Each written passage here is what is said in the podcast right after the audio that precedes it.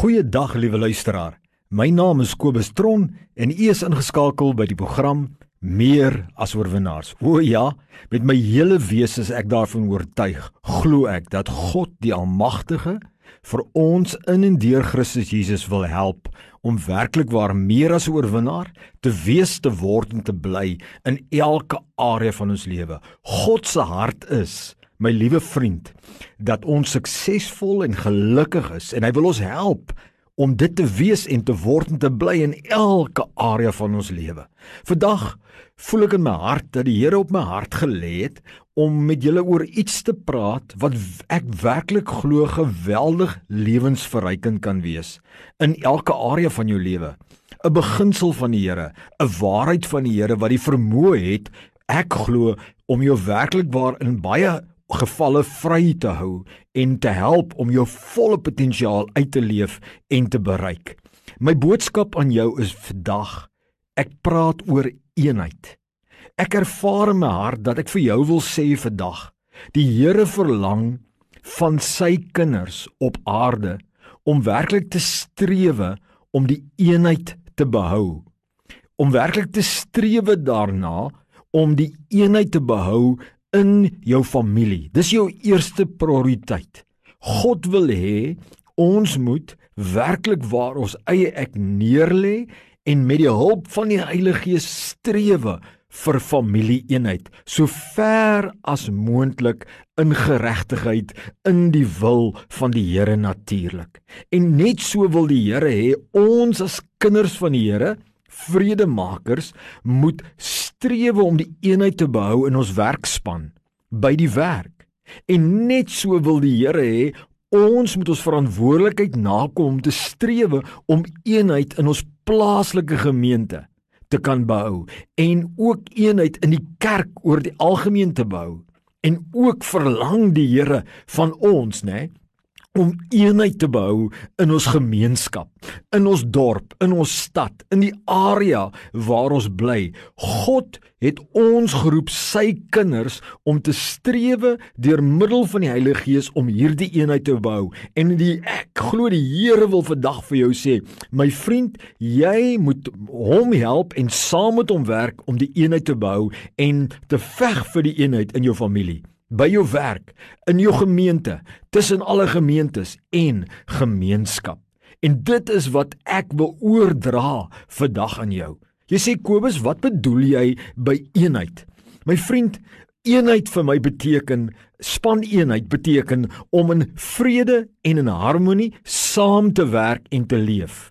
Om met ander woorde, om nie gedurende konflik en disharmonie te hê nie en om werklik saam te werk in eensgesindheid en nie teen mekaar te werk nie. So as ons eenheid het in ons familie, beteken dit ons het vrede, daar is 'n groter mate van harmonie en samewerking in ons familie. Ons werk nie teen mekaar nie. Ons werk saam na 'n gemeenskaplike doel en net so by die werk en net so by die gemeente. As ons sê daar's gemeenteeenheid, dan beteken dit die gemeentelede werk saam. Hulle leef saam in vrede en in harmonie en in eensgesindheid. Daar is 'n samewerking en nie 'n rebellie nie. Daar is 'n samehorigheid. Almal werk na 'n sekere punt toe saam met mekaar. So as jy 'n eenheidstoets moet maak, dan moet jy vir jouself vra: Is daar in my familie oor die algemeen nou vrede en harmonie en werk ons saam of teen mekaar. As daar vrede en harmonie in jou familie of in jou span is of in jou gemeente is en julle werk saam, dan is daar eenheid. Dan uh, word eenheid gehandhaaf. Solank daar samewerking is en nie teen mekaar nie en vrede en harmonie, dan is daar eenheid. Is daar eenheid tans in jou familie? Is daar eenheid tans in jou gemeente of klein groep in die gemeente? God verlang dat jy moet help en saam met hom werk om eenheid te bewerkstellig. Onthou dit altyd, God se hart is nie verdeeldheid nie. God se hart is daar kan net verdeeldheid wees wanneer mense buite die wil van die Here loop. En dan kan ons mos nie saamwerk met mense wat in reg ongeregtigheid is nie. En nou wil ek vandag vir jou sê, die woord van die Here, nê, bevestig dit so baie duidelik. Die woord sê in Psalm 133 vers 1 tot 3 sê Dawid dat dit God se hart is. Hy sê die volgende, hy sê: "Hoe goed en hoe mooi is dit as broers eensgesind saamwoon." Dit is soos kosbare olie op die kop wat afloop op die baard van Aaron tot op die soem van sy kleed. Dit is soos die dou van Hermonberg wat neersak op die berge van Sion, want daar gee die Here sy seun 'n baie lang lewe. Dit is die nuwe lewende vertaling wat dit so stel. In die ou vertaling, 1933 vertaling, gaan dit so, die laaste stuk, hy sê daar gebied God sy seun lewe vir ewig. En my vriend, hy sê hoe goed en hoe mooi is dit as broers eensgesind saamwoon. As broers saamwerk en nie teen mekaar werk in vrede en harmonie. Dit is die hart van God. Dit is die hart van God wat liefde is. Dink maar mooi, as daar eenheid is, is goed en mooi in die oë van die Here, ons lewende God. Weet jy dat Jesus Christus, nê, het net so eh, 'n stelling gemaak oor eenheid wat geweldig groot is. Ek wil hê luister gou aandagtig as ek vir jou hierdie skrifgie aanhaal vanuit Jesus se persoonlike lering wat hy namens die Vader gepraat het oor eenheid. Jesus het gesê in Matteus 12 vers 25 elke koninkryk wat teen homself verdeeld is, word verwoes. En elke stad of huis wat teen homself verdeeld is, sal nie bly staan nie. Onthou nou wat ek hier sê. 'n Koninkryk wat ek glo word bedoel hier by 'n leierskapspan, iemand wat onder 'n sekere heerskappy is.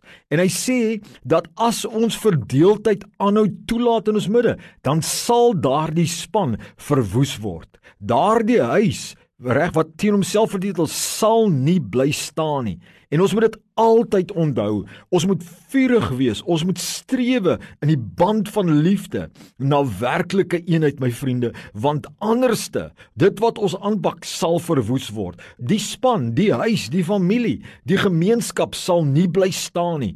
Verdeeldheid maak dat daar verwoesting is. Verdeeldheid het so groot negatiewe krag en eenheid het so groot krag. In ons volgende sessie gaan ek met julle praat net oor hierdie werklike lewensverrykende gevolge van eenheid. Maar vandag wil ek net eers die skrif neerlê en sê Kyk wat het koning Dawid gesê. Dis goed en mooi en lieflik waar die broers in eenheid saamwoon. Kyk wat sê ons koning, die Here Jesus Christus, terwyl hy in die vlees gewandel het. Hy sê elke koninkryk wat teen homself verdeel is, word verwoes.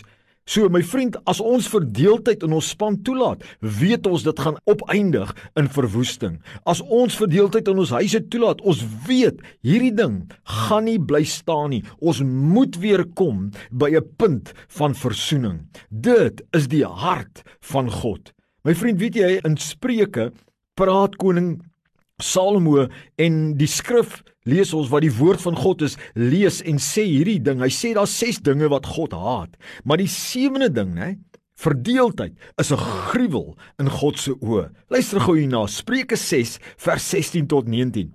Hierdie 6 dinge haat die Here en 7 is vir sy siele gruwel. Trotse oë, 'n leenagtige tong, hande wat onskuldige bloed vergiet, 'n hart wat onheils planne beraam, voete wat hastig is na die kwaad te loop, een wat as valse getuie leuns uitstrooi en luister mooi die sewende een, een wat tussen broers tweedrag saai.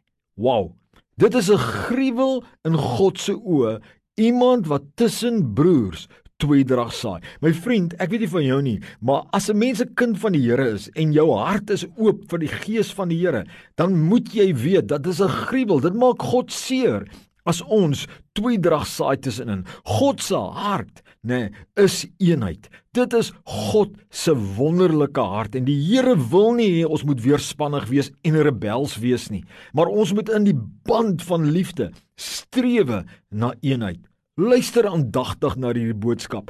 God verlang van jou om eenheid te behou. In my hart, in my diepste wese, weet ek, die Here wil hê ons moet werk in ons huise na versoening en om eenheid te aktiveer en nie verdeeldheid nie. Ons moet teen verdeeldheid werk in die band van liefde, onderworpe aan die wil van God deur middel van die Heilige Gees, nie in ons eie krag nie, maar hierdie is die hart van God.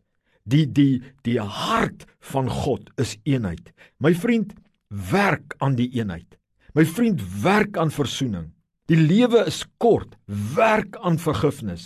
Werk om eenheid te behou. By jou gemeente, moenie 'n kwaadstoker wees nie. Jy weet waar jou hart is. Moenie, moenie verdeeldheid veroorsaak nie. Dis nie die hart van God nie. Werk en wees 'n vredemaker wat eenheid help bewerkstellig. Ek hoop en ek glo van harte dat jy hierdie boodskap aanneem. Behou die eenheid my vriend. Dis geweldig belangrik. Amen.